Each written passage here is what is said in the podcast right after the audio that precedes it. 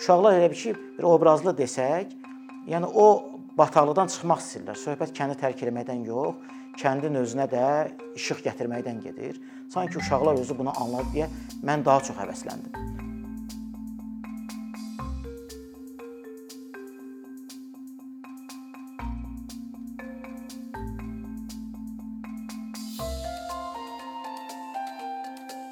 Mən sosial mediada müşahidə edirdim ki, yəni insanlar və ya da cəmiyyətin üzvdə olan adamları deyək, onlar narahatlıq ifadə edirlər. Məsələn, təhsillə bağlı, ölkədəki ayrı-ayrı problemlərlə bağlı.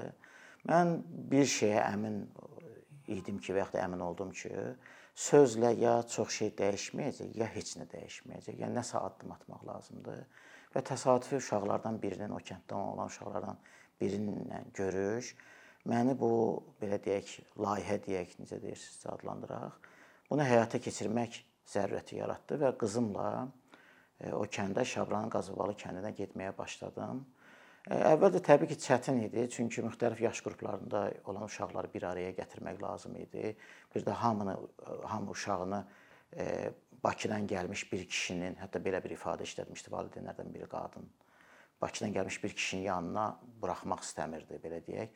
Hərçənd belə şəffaf şəraitdə dərs keçirəndə, çünki hətta valideynlər gəlib girib çıxırlar, onlar otağın yanından keçirlər, qapı açıq olur yay aylarında təbiətdə dərs keçirik, həyatda dərs keçirik. Amma buna baxmayaraq valideynlər hələ güvənmirdilər. O da yerli lokal problemlərdən irəli gəlir. Çünki onlar belə görüblər.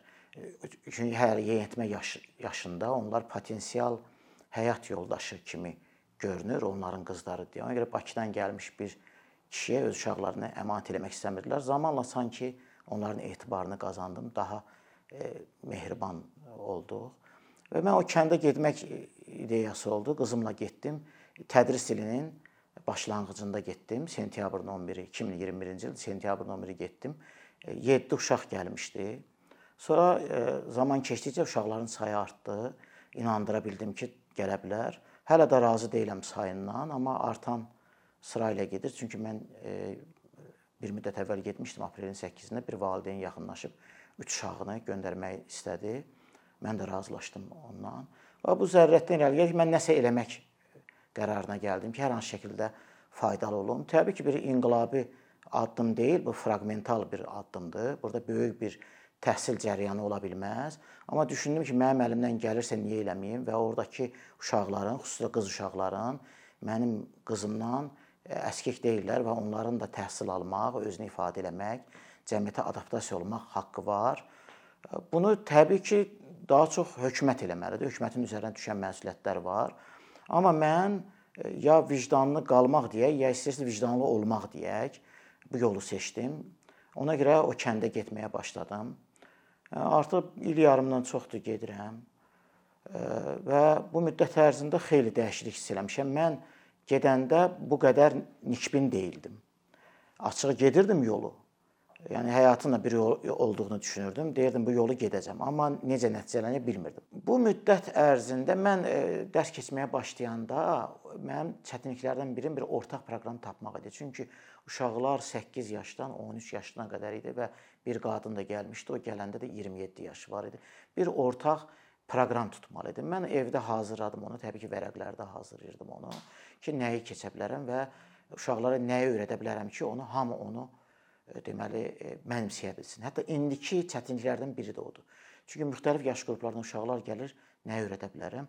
Hələlik biz uğurla davam edə bilirik. Hər halda mənə uğurlu görünür. Mən 40 səfər eləmişəm və bu həftə 41-ci səfərimə hazırlaşıram.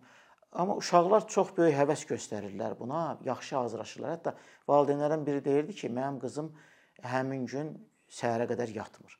Deyir ki, müəllim gələr, yatıb qalaram mən, dərsə gəlmərəm və yaxud da xatırlayıram ki, Fatimənin nənəsi ilə mən söhbət eləyirdim. Fatimənin nənəsi deyirdi ki, Fatimə həmin gün çox erkən oyanır, özü də jurnalist olmaq istəyir.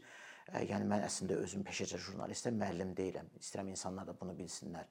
Yəni mən bundan qazanc da götürmürəm. Sadəcə hər hansı şəkildə faydalı olmaq istəyirəm. Düşündüyümdən sanki daha faydalı oluram. Uşaqların gözündəki işıqdan bunu hiss eləyirəm. Zaman keçdikcə gördüm ki, cəmiyyətin özünün münasibəti də yəni buna çox isti münasibət göstərməyə başladılar. Mən daha da həvəsləndim. Həm kənd cəmaəti, həm uşaqlar xüsusilə.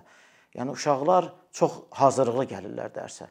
Məsələn mən burada dostlar var, məsələn qohumlar var, onların uşaqlarını hərdən belə kiçik belə monitorinq edirəm onların səviyyəsinə bağlı.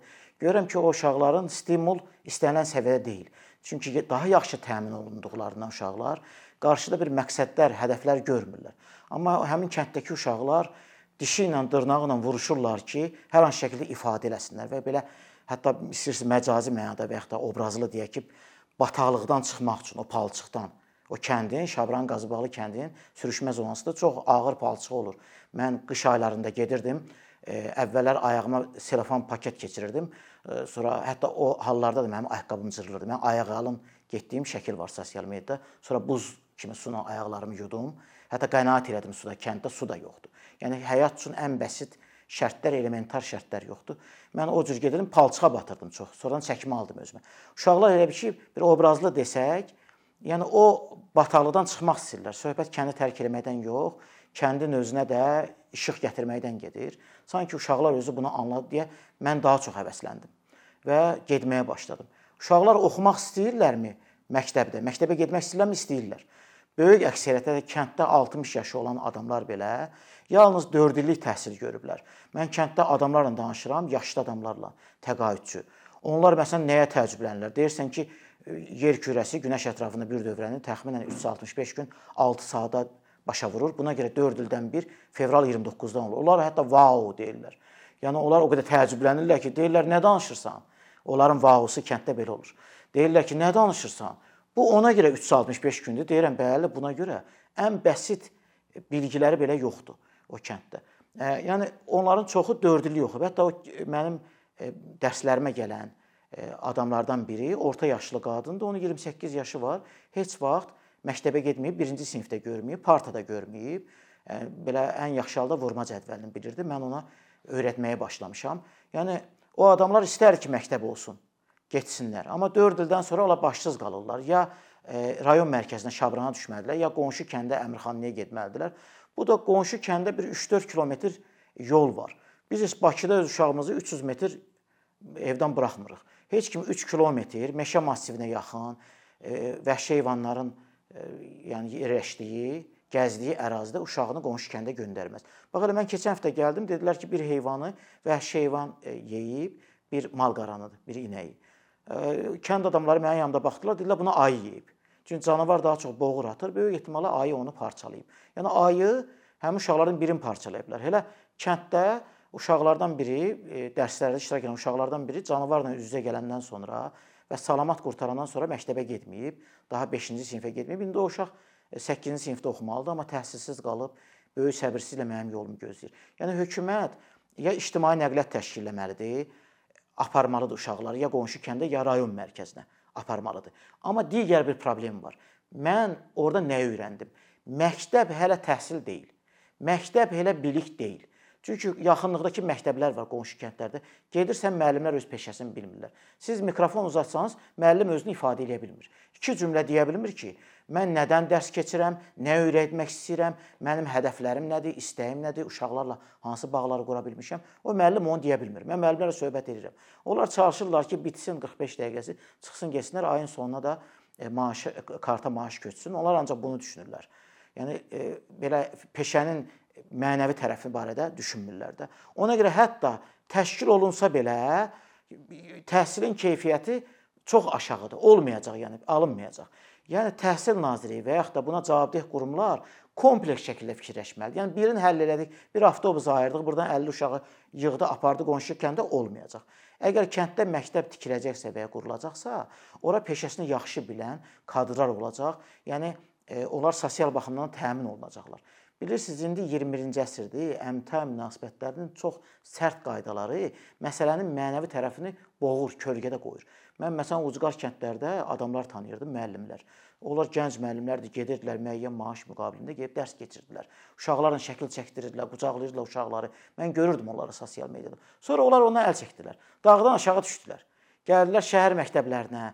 Onlar sonra 25 illik ipotekaya girdilər. Yəni onlar e, qərara gəldilər ki, daha bu fədakarlığı eləməsinlər. Yəni ayrı fərdlər də eləyə bilərdi. Onlar fikirləşdi ki, yoruldular da bundan da.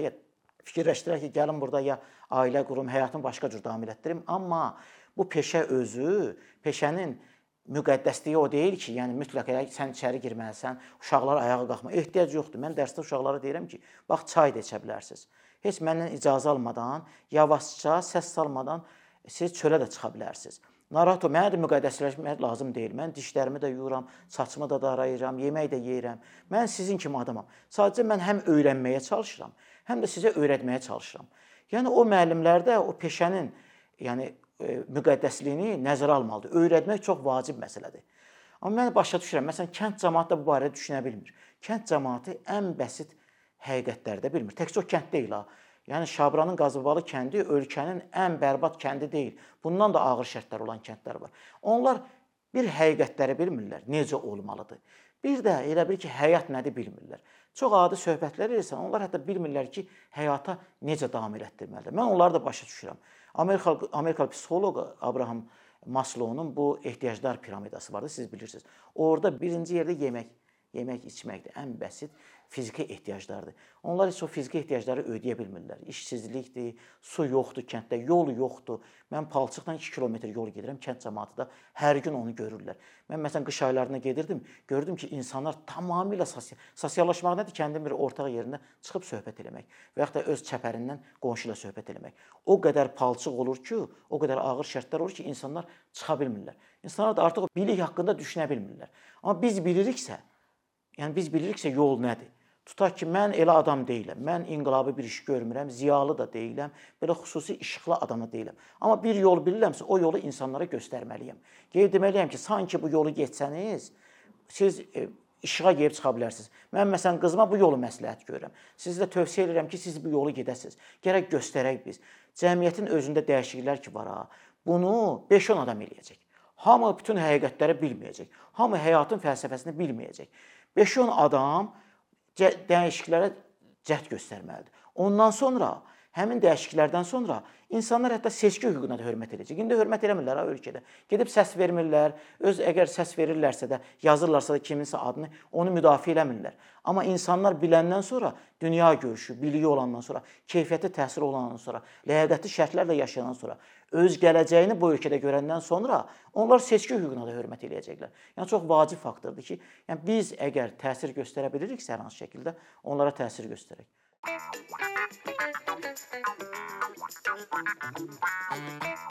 you.